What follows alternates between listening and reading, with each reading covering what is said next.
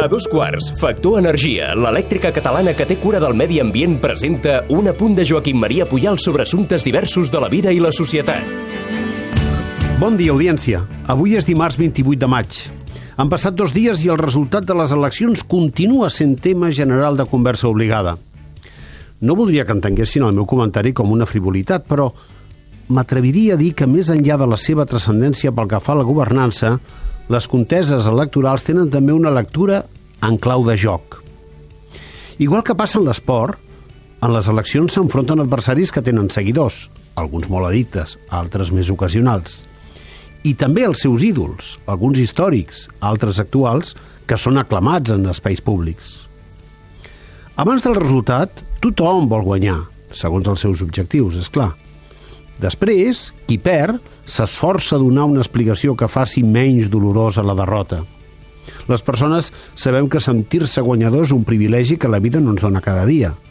I quan es presenta, cal aprofitar l'ocasió.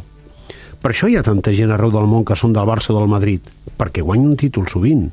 Si un dia perdessin aquesta posició de privilegi, seria difícil que mantinguessin la seva influència actual en el mercat de la globalitat. Continuem. Tant en l'esport espectacle com a l'hora de votar, les persones són d'aquest o d'aquell contendent i s'identifiquen amb una minoria de privilegiats, els jugadors o els candidats, que millor o pitjor els representen. Per això, tant en l'esport com en la política, quan arriba la victòria, la gent sent que també és seva. Per això, doncs, aquestes darreres hores estan contents o tristos molts ciutadans que ni són polítics ni viuen de la política. Però, contents o tristos, la vida continua. Els períodes electorals marquen segments de la línia de la nostra vida i punts d'inflexió i de canvi, d'influència relativa, si volen. Perquè, si mirem enrere, en perspectiva, observarem la importància menor de fets que en el moment que els van viure potser ens va semblar que eren qui sap què. I, en canvi, ara els hem mig oblidat. La vida continua.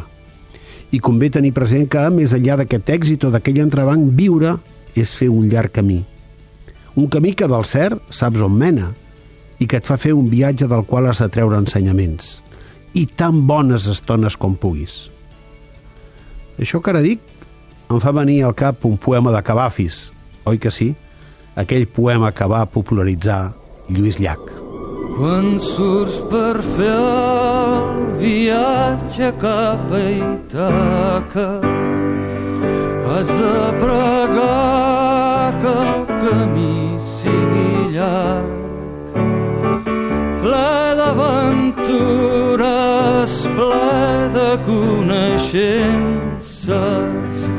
Has de pregar que el camí sigui llarg que siguin moltes les matinades